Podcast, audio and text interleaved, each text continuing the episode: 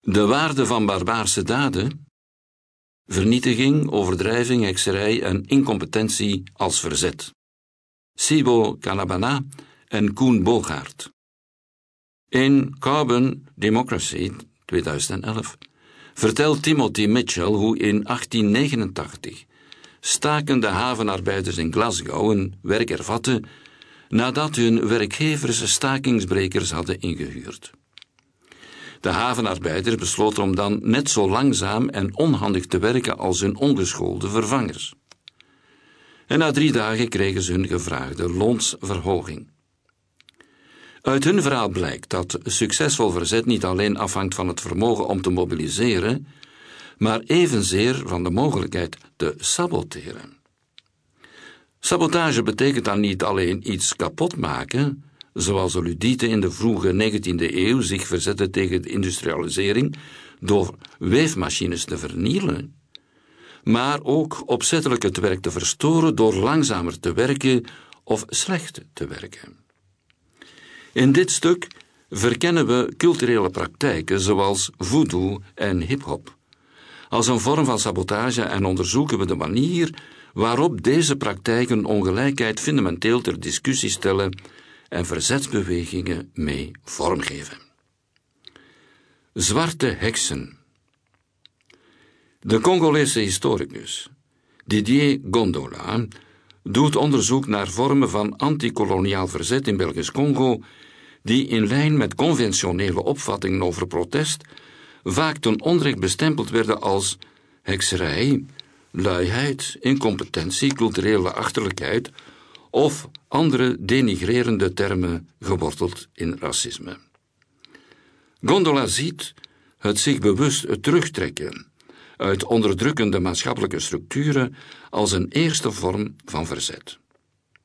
Dat terugtrekken is evenwel een meer onzichtbare vorm van politieke bewustwording en radicalisering in vergelijking met openlijk gewapende opstanden, zoals de Nzangu-opstand 1893, de Batatela-opstand 1895 of de bloedige Bapende-opstand 1931. Maar beide vormen van politisering en verzet kunnen niet zomaar van elkaar gescheiden worden. Ook lang voordat Henry Morton Stanley en anderen in Congo aankwamen, voerde de bevolking van het Congo-Bekken gewapend verzet tegen de gewelddadige Europese invloed.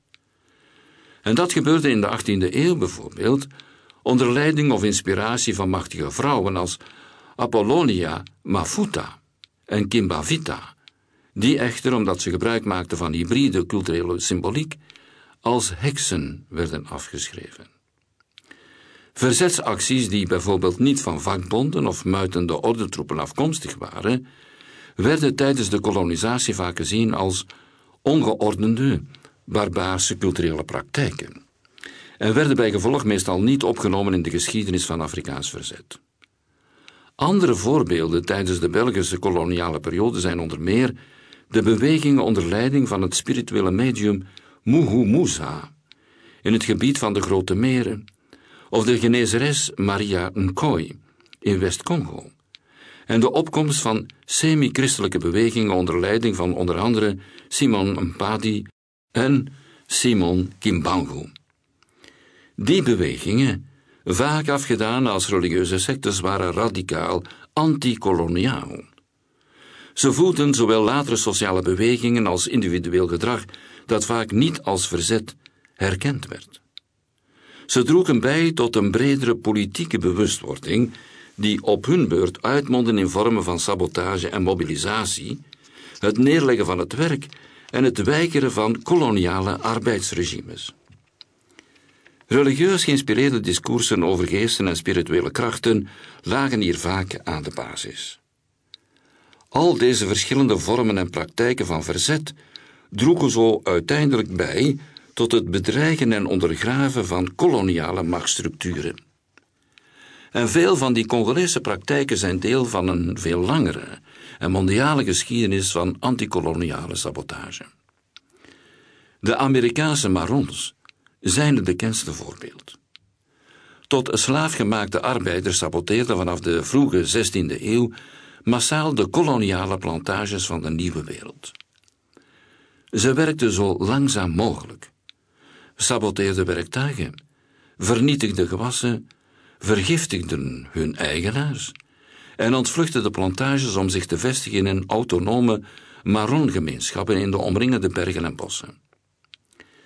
De Maron-gemeenschappen voerden vandaar regelmatig reeds uit op plantages, op zoek naar wapens en levensmiddelen, maar vaak ook met de bedoeling om tot slaafgemaakte lotgenoten te bevrijden en koloniale infrastructuur te vernielen. Het collectieve verzet van de Marons vormde meermaals een existentiële dreiging voor de koloniale economie. Met de Haitiaanse revolutie 1791-1804 als hoogtepunt. Maar het waren vaak individuele sabotagepraktijken die aan de basis lagen van dit langere historische proces van verzet, politiek bewustzijn en emancipatie. En dat verzet ging bovendien gepaard met nieuwe culturele praktijken en nieuwe filosofische ideeën over mens en maatschappij.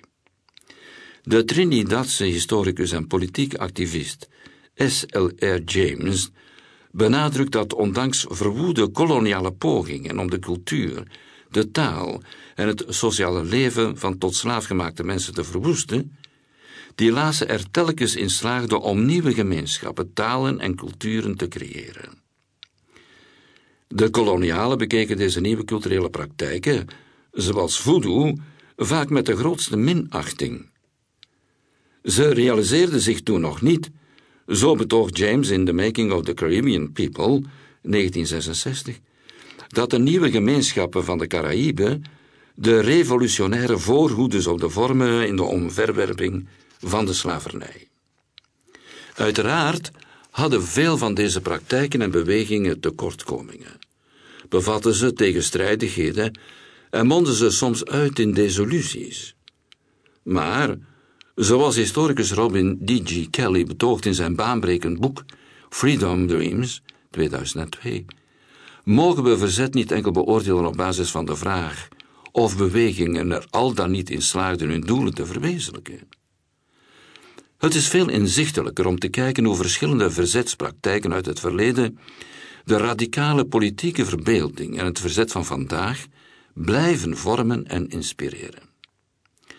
De confrontatie met de onderdrukkende structuren van het kolonialisme en het kapitalisme leidde immers tot nieuwe vragen, kennis en theorieën. Kelly toont aan dat de verschillende vaak ook niet direct zichtbare vormen van verzet tegen een gewelddadige sociale orde ook emancipatorische vormen van kennis creëerden. Vrijheidsdromen, zoals hij ze noemt. Barbaren. Ook vandaag zijn er binnen de structuren van de kapitalistische nazistaten allerlei vormen van verzet die nauwelijks als zodanig worden herkend. Deze vinden plaats in de dode hoeken van de dominante cultuur, daar waar ze normen van fatsoen en moraliteit bewust ondermijnen, en waar er ruimte is voor dubbelzinnigheid, chaos, creativiteit en vrijheid. De anarchistische politicoloog James C. Scott spreekt in de Zuidoost-Aziatische context over Weapons of the Weak in zijn gelijknamige boek uit 1987.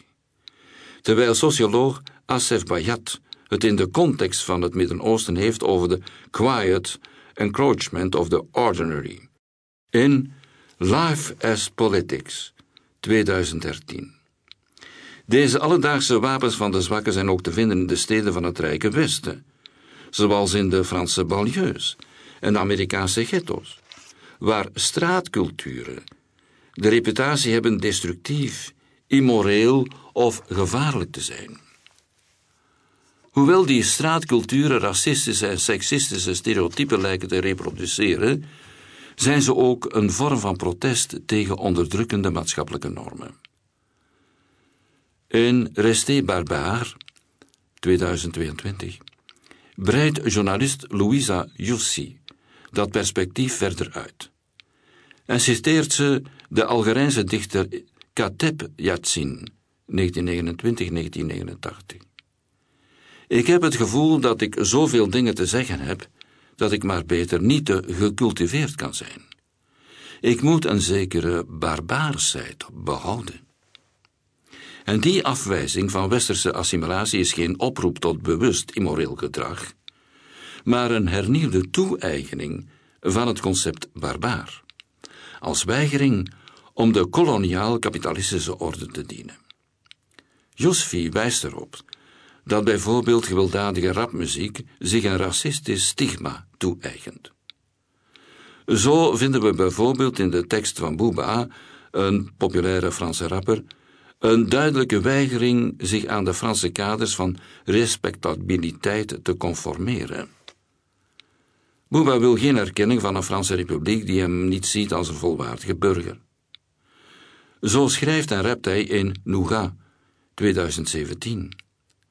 La juge m'a dit, pourquoi tu fais ça?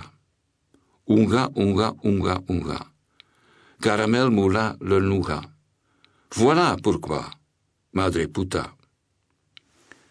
De rechter zei, waarom heb je dat gedaan? Unga, unga, unga. Caramel moula de nougat, dat is de reden, madre puta.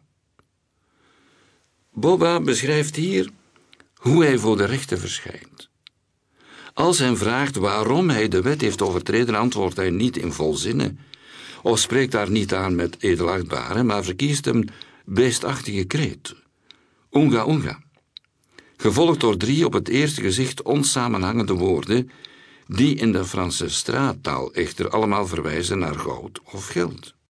Enerzijds lijkt hij zich niet te willen verantwoorden. Hij is immers een beest en daarom crimineel.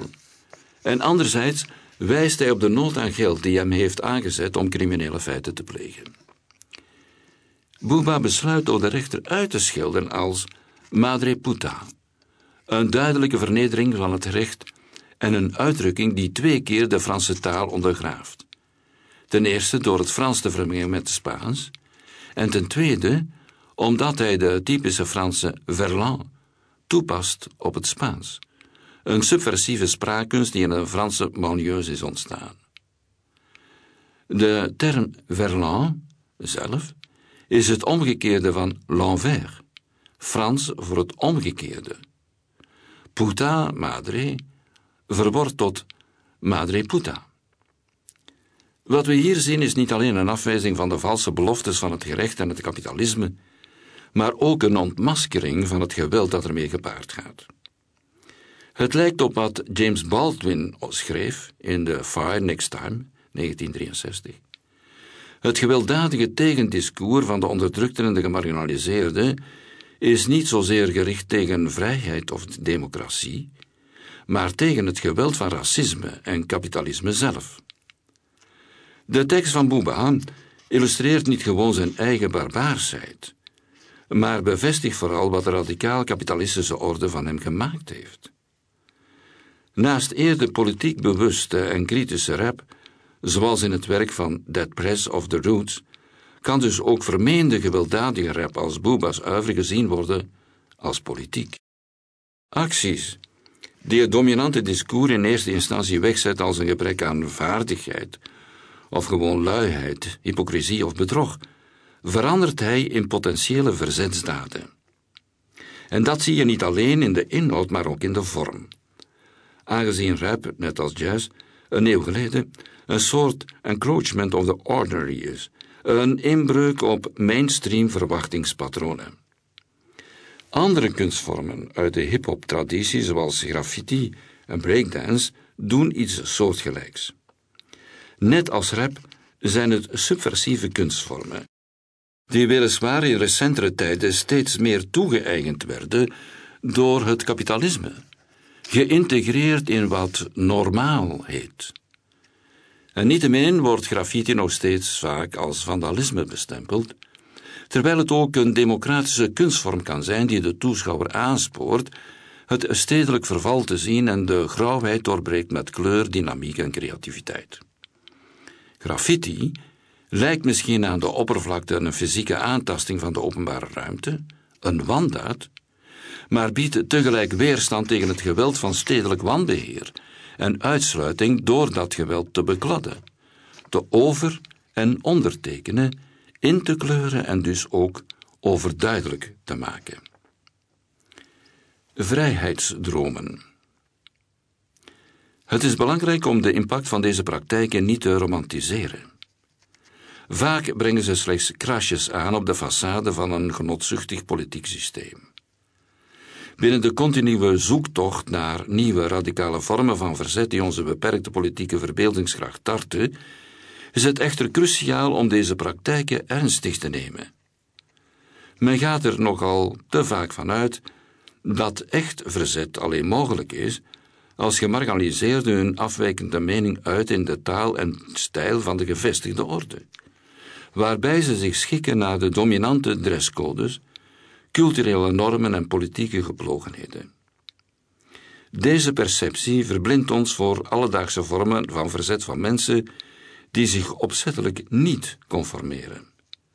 En die minder zichtbare vormen van verzet, die de politieke, economische en sociale systemen uitdagen, zijn bovendien niet geïnspireerd door een academisch, antikoloniaal, anticapitalistisch en antiracistisch discours. Het gebeurt net andersom, zoals Robin G.G. Kelly in Freedom Dreams overtuigend betoogt. De geschiedenis heeft herhaaldelijk aangetoond dat het net die sabotage, die gecriminaliseerde en gemarginaliseerde culturele praktijken zijn, zoals sectes en straatculturen, die na verloop van tijd bij een intellectuele klasse als inspiratie dienen voor het uitdenken van meer formele, geïnstitutionaliseerde vormen van verzet. En dat zien we onder andere bij de rol van voodoo in de Haitiaanse revolutie, 1791-1804, of straatbendes in het ontstaan van de Black Panthers, 1966 of de Rainbow Coalition, 1969. Alleen al daarom is het van belang om ze niet af te schrijven als barbarij.